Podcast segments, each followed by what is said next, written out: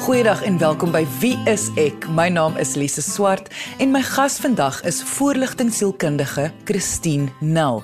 En ons gaan gesels oor bipolêre verstoring, vroeër bekend gestaan as bipolêre gemoedsversteuring, maar volgens die DSM-5, dis die diagnostiese handleiding vir sielkundiges en psigiaters in Suid-Afrika of in die wêreld, nie net in Suid-Afrika nie, is dit nou 'n diagnose op sy eie. Nou wat dit beteken vir die gewone man op straat is dat waar dit voorheen geval het onder die gemoedsversteuringsfamilie, met ander woorde waar depressie ook val, val dit nou in sy eie kategorie. En al wat dit vir ons beteken is dat daar is baie navorsing en baie geld al agter die navorsing van bipolêre versteuring gesit.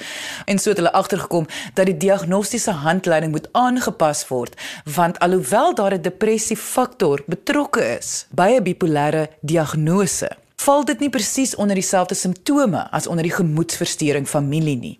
En dit is hoekom hy op sy eie kategorie is. Maar vir 'n persoon wat met hierdie siekte lewe, beteken al hierdie inligting wat ek nou gegee het eintlik maar net mooi niks nie. Behalwe dat daar baie navorsing gedoen is en dat mense is baie meer ingelig oor hierdie siekte. So ek en Christine gaan vandag gesels oor wat presies dit beteken om 'n diagnose te kry vir of bipolêr 1 of bipolêr 2, hoe dit sal manifesteer in die alledaagse lewe en hoekom veral wanneer dit kom by 'n bipolêre diagnose is medikasie 'n baie belangrike faktor wanneer dit kom by die behandeling van hierdie toestand. Onthou indien jy enige vrae het oor bipolêre verstoring of dalk net jou storie met ons wil deel, kan jy ons kontak deur ons webwerf by www.wieisek.co.za. Maar kom ons luister nou na die inligting wat Christine Nel vir ons gaan gee oor bipolêre verstoring.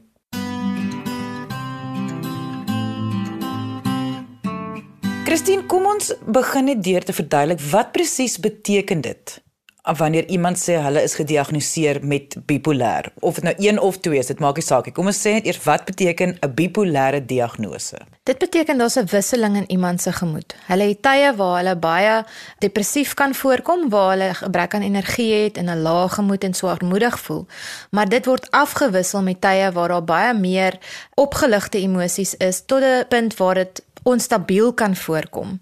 En daar's twee tipes aan die bokant van die spektrum wat 'n mens kan beskryf. Twee tipes episodes, die een is 'n uh, 'n uh, maniese episode en dit is 'n ekstreme boontoe gaan van die emosies, baie energie, baie praat, baie besig raak en een wat net 'n bietjie onder dit is wat minder intens is. En dit sal ons as hipomanies beskryf.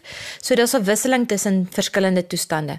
Of 'n mens kan sê aan die onderkant van die spektrum is iemand swaarmoedig en aan die ander kant van die spektrum kan hulle wissel tot ekstreme opgewonde gedrag om dit nou baie eenvoudig te stel of net 'n ligter graad daarvan, maar daar is hierdie wisseling in gemoed tussen die twee tipes toestande. As jy nou sê wisseling, ek probeer nou net indink, eh, beteken dit dit moet mekaar volg of is dit is daar periodes tussen die depressieperiode en die maniese episodes? Nee, daar sal periodes tussenin kan wees. Elke persoon se prentjie gaan verskillend wees, maar dis nie noodwendig van die een na die ander nie, maar dit is maar dat die die verskillende episodes voorkom. Bipolêr is een van die diagnoses wat die meeste gemisdiagnoseer word. Wat presies beteken dit as mense dit sê? Dis 'n diagnose wat baie gemis word of um, nie raak gesien word nie of verkeerdelik gediagnoseer word. Want meeste mense soek hulp as hulle swaarmoedig is of as hulle baie angstig raak. Maar mense soek nie hulp as hulle fantasties voel en baie energie het nie. En ongelukkig fantasties voel en baie energie in 'n ekstreme mate kan beteken dat 'n mens gevaarlike gedrag begin toon en dit kan dalk 'n maniese episode wees en dit is juis wat iemand nodig het om van te weet wanneer hulle bipolêr diagnoseer. So met ander woorde, meeste mense kan baie maklik met depressie gediagnoseer word, maar omdat hulle nie bewus is van die maniese deel of die hipomaniese deel nie, mis baie dokters daardie deel. Dis reg. En selfs al vra mense vir jou, het jy tye waar jy waar jy baie opgewonde raak of waar jy risiko's neem of waar jy waar jy simpel besluite maak omdat jy nie dink aan die gevolge nie, dan sal baie mense ook nie dit noodwendig aan hulle self kan herken nie. So mense het eintlik 'n buitebron um, nodig, iemand wat jou goed ken en wat saam met jou leef om daardie deel vir 'n mens te kan bevestig of onder jou aandag te bring. Ons hoor so baie van depressie diagnoses en angsdiagnoses en bipolêre diagnoses dat soms vergeet ons die erns van so 'n diagnose. uit jou ervaring om saam te leef met hierdie diagnose, hoe ek wil nie sê hoe erg nie, maar dit is nou nie Engelse woord my kop en kom, hoe erg is dit? Dit kan baie groot probleme vir 'n mens veroorsaak. Dit hang natuurlik af van die intensiteit van die episode of dit manies of hipomanies is, maar dit kan baie skade in verhoudings veroorsaak want mense kan buite hulle grense optree. Mense kan woede uitbarstings hê. Hulle kan hulle geliefdes se geld spandeer. So in daardie opsig kan dit baie verwoesting bring en dan natuurlik die skuldgevoelens en die selfkastyding wat na dit volg.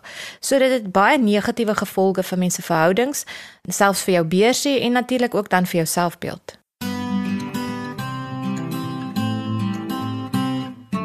Dit kan ook in ekstreme vorme kan dit ook ontsettend gevaarlik wees want mense kan ehm um, risiko's vat met hulle eie veiligheid of ander mense se veiligheid omdat hulle net in daardie toestand nie daaraan kan dink nie. Byvoorbeeld om uitermate alkohol te gebruik en dan in 'n kar te klim en te bestuur.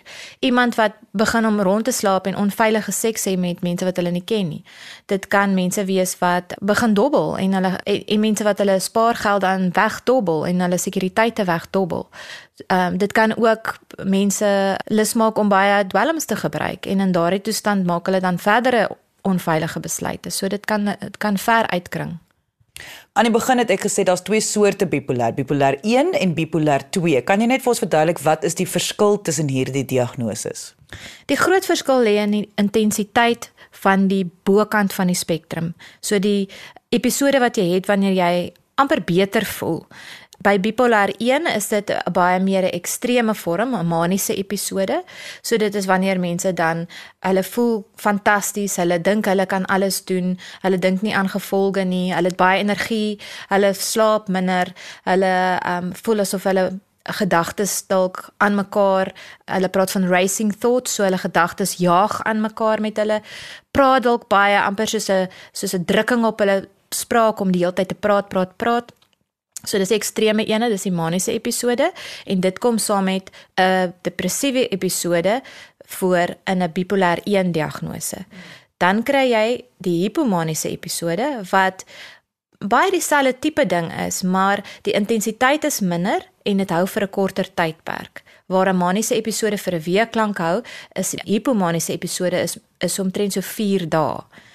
En soos ek sê, dit is nie in daai um, selfde mate of so intens nie wat beteken dat dit vir mense minder skade en mis, minder risiko inhou. So mense verloor nie so maklik hulle werk of hulle lewens spaargeld daarmee nie, maar dit kan nog steeds vir hulle self en die mense rondom hulle baie skade in die verhoudings aanrig. Jy luister na Wie is ek op RSG 100 tot 104 FM. So mense wil amper sê dat bipolêr 1 sal ander mense miskien makliker raak sien waar bipolêr 2 sal selfs die persoon nie noodwendig sommer raak sien nie.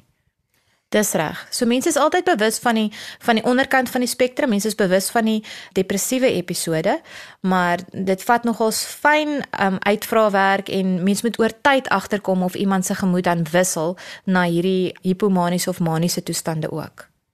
En is dit hoekom dit so moeilik is om hierdie te diagnoseer omdat dit soveel tyd in in beslag vat? Ja, ek dink nogal so. Omdat mense nie selfbewus is nie, moet die die professionele persoon ook die persoon leer ken en agterkom wat is hulle normale toestand of hulle gewone toestand en dan kan 'n mens sien wanneer dit bo die spektrum van gewone emosies wissel of on, aan die onderkant aan die swaarmoedige kant. So dit gaan ook om die persoon te leer ken en te weet wat is hulle normaal. Wanneer jy verwys na die depressiewe deel van bipolêr, wil ek net weet hoe verskil dit van gewone depressie? Nee, dit is presies dieselfde. Dit is ehm um, dis presies dieselfde emosies. So dit beteken daar's 'n donker gemoed. Daar's 'n um, ontsettende moegheid en dit is miskien iets wat 'n mens nou meer kan oor uitvra. Hoekom is die persoon so moeg? Wat is dit wat hulle uitgeput het en is dit omdat dit volg op 'n moontlike maniese episode waar hulle baie energie gebruik het of het die persoon gekom van 'n of 'n middelpunt en dan maar net moer geraak, lus meer lusteloos geraak, meer donker geraak. Maar dis nog steeds 'n swaarmoedige gemoed, daar kan nog steeds geïrriteerdheid bykom, kan nog steeds hulle aandag en konsentrasie en fokus beïnvloed. Baie keer gevoelens waar hulle voel is hulle is waardeloos en voel skuldig oor dinge. Maar da, weer eens dan kan mens die skuldgevoel 'n bietjie in Engels sal mense sê unpack. Jy kan so 'n bietjie daarso grawe. Hoekom voel hulle skuldig? Is dit omdat hulle onlangs baie risiko's geneem het of um, besluite gemaak het wat hulle toe op die ouend gesien het is skadelik vir ander mense? Hou dit dalk verband met 'n tydperk waar hulle meer energie gehad het. Dat mens kan sien of dit verband hou met 'n maniese of 'n hipomaniese episode. Ehm um, was dit dalk woede uitbarstings wat die skuldgevoelens tot gevolg gehad het. En dan sal ook soos gewoonlik die verskille in aptyd en die verskille in slaapgewoontes. So ons sien gewoonlik dat iemand baie meer begin slaap of hulle sukkel om te slaap of iemand eet meer of hulle het 'n verlies aan aptyd of weet ons daar's 'n merkbare verandering in die patroon van eet wat hulle normaalweg sou gehad het en dan um, het mense natuurlik ook die gedagtes aan dood of selfmoord wat 'n tema raak aan iemand se gemoed. Ek het nou 'n brief gekry waar iemand vir my gesê het dat sy voel na haar diagnose van bipolêr voel sy haar lewe is nou verby. Ek wil nou net by jou hoor, dit is tog nou nie die realiteit nie. Nee, natuurlik nie. Bipolêr mense vind dit in baie gevalle baie moeilik om hulle diagnose te aanvaar omdat die die lekkerte van die bokant van die spektrum van die maniese of hipomaniese episodes. Dit voel vir hulle baie keer so lekker dat dit baie moeilik is om dit prys te gee. En ongelukkig moet mense 'n bietjie van dit prys gee, maar jy gaan dan ook 'n deel van die donker kant verloor om hier in die middel um, 'n bietjie meer balans te kan handhaaf. So dit is baie moeilik om die diagnose te aanvaar juis as gevolg van daai verliese. Maar daar is baie definitiewe dinge wat wat vir mense werk en medikasie speel 'n groot rol en natuurlik terapie help baie om die toestand te, te leer verstaan en bestuur. So mense wat met uh, bipolêr gediagnoseer word, kan definitief 'n normale lewe lei. Dit is wel belangrik dat hulle volhou met hulle behandelingsplan, dat hulle nie ophou om die medikasie te drink wanneer hulle nou weer begin beter voel of dit nou lank raak vandat hulle weer episode gehad het nie, want dan is daar 'n baie goeie kans dat die verlede gaan herhaal. Indien jy nou eens ingeskakel en graag die volledige episode wil luister, kan jy die potgooi gaan aflaai by RSG se webwerf. Gaan net na www.rsg.co.za. Maar kom ons luister verder na my gesprek met Christine Nel oor bipolêre verstoring. Christine, jy het aan die einde van die eerste helfte het jy gesê dat dit is moontlik met behandeling dat iemand met 'n bipolêre diagnose 'n normale lewe kan lei, veral indien hulle hulle medikasie gebruik. Hoekom is medikasie so belangrik wanneer dit kom spesifiek by 'n bipolêre diagnose? Die rol van die medikasie is om te probeer om die gemoed te stabiliseer. So 'n mens wil nie meer daardie ekstreme ervaring sê dat jy of baie laag of baie hoog in gemoed. Hoog is nou nie so, soos wat ek bedoel met dwelms nie, maar weet wat wat 'n mens jy wil nou nie meer so erg manies gelukkig klink ook so of wil ons sê mense moet gelukkig wees nie. Ehm um, maar ons wil nie hê mense moet uh, onveilige lewens lei in deur die risiko's wat hulle in manie vat nie. En daarso is 'n baie groot chemiese komponent daarvoor. En en die medikasie spreek daardie chemiese of fisieke komponent van hierdie eh, verstoring aan. Hoekom sal mens dan sê mens moet nog steeds 'n sielkundige sien wanneer mens met 'n bipolêr gediagnoseer word? Hoekom is medikasie nie genoeg nie? Want 'n mens moet leer verstaan hoe lyk jou pakkie, want elke ou ten spyte van 'n diagnose wat tussen twee mense dalk dieselfde kan wees, elke ou se um, se snellers is anders. Elke ou se spesifieke forme van simptome is anders.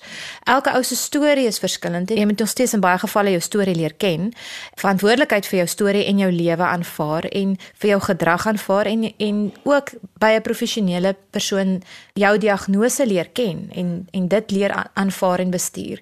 En dit is dit is nie 'n maklike taak nie. Ek kan eintlik nie dink hoe iemand dit baie maklik op hulle eie kan doen sonder enige ondersteuning nie. So dit is maar waarvoor die terapie daar is.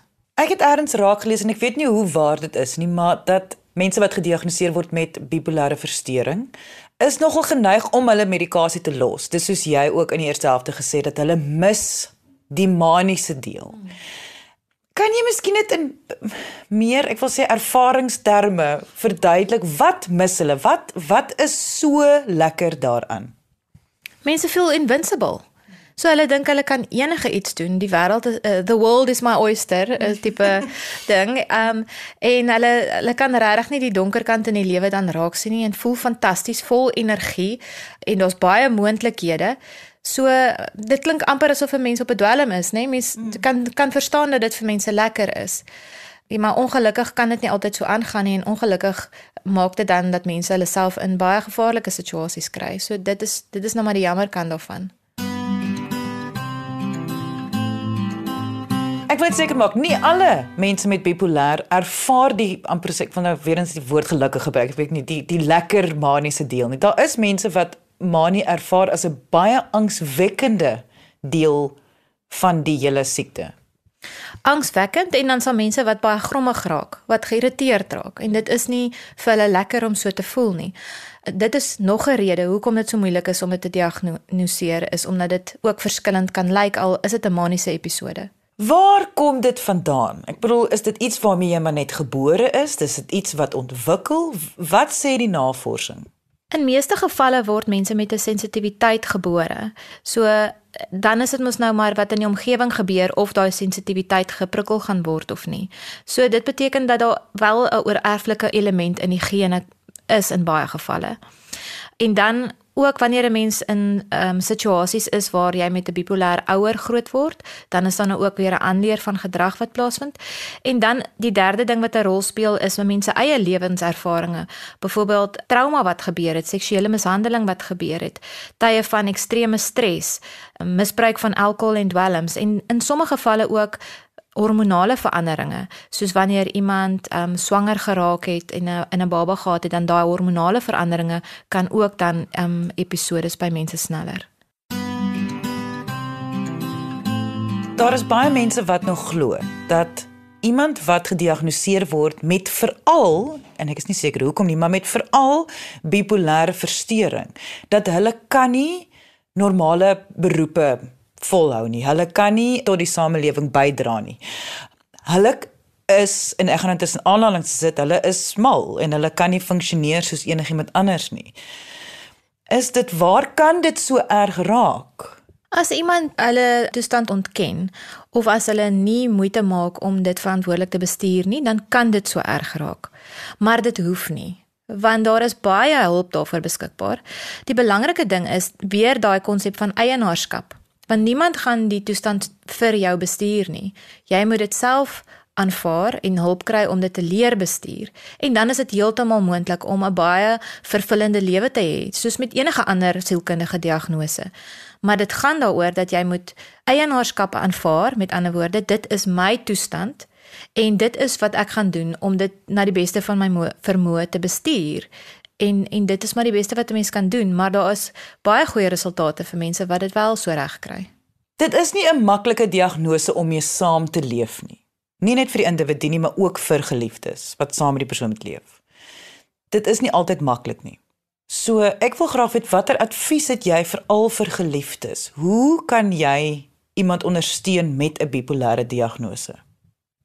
Die kommunikasie is ontsettend belangrik mens kan nie maak asof die diagnose nie daar is nie. En mens kan nie maak asof die simptome nie daar is nie en jy kan nie maak asof die simptome jou nie affekteer nie. Dit is wel belangrik dat 'n mens in kalm tye saam planne maak oor wanneer die verstoring besig is om oor te neem. Sodat 'n mens kan die uh, gediagnoseerde persoon attent maak daaroor. Hulle is nou besig om gedrag te toon wat wat hierdie en hierdie en hierdie effek op jou het of wat jou so laat voel of wat jou ongemaklik laat voel of jy is nou bekommerd oor die risiko's wat nou hier gaan volg. So dit is belangrik om in 'n kalm tyd dan daai tipe van planne te maak dat 'n mens vooraf ooreenkom dat jy kan dit vir my sê en dan sal ek dit dan sal ek dit aandag gee daaraan. Ek sal dit ag.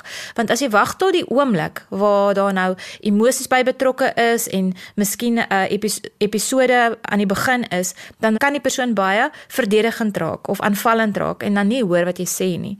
So mens moet al daai strategieë inoefen in kalm tye dat wanneer dit begin dinge begin moeilik raak en die simptome intensifiseer dat 'n mens of die persoon kan herinner en sê onthou ons het gesê as jy begin kwaai raak dan gaan ek vir jou sê ek dink jy moet bietjie time out hmm. en jy het gesê jy sal dit van my vat nog nou net 'n voorbeeld vir iemand wat nou wat nou geïrriteerd raak, maar iemand wat ehm um, begin om allerlei plannetjies te maak met besigheid en geld uitgee wat nie so logiese sin maak nie.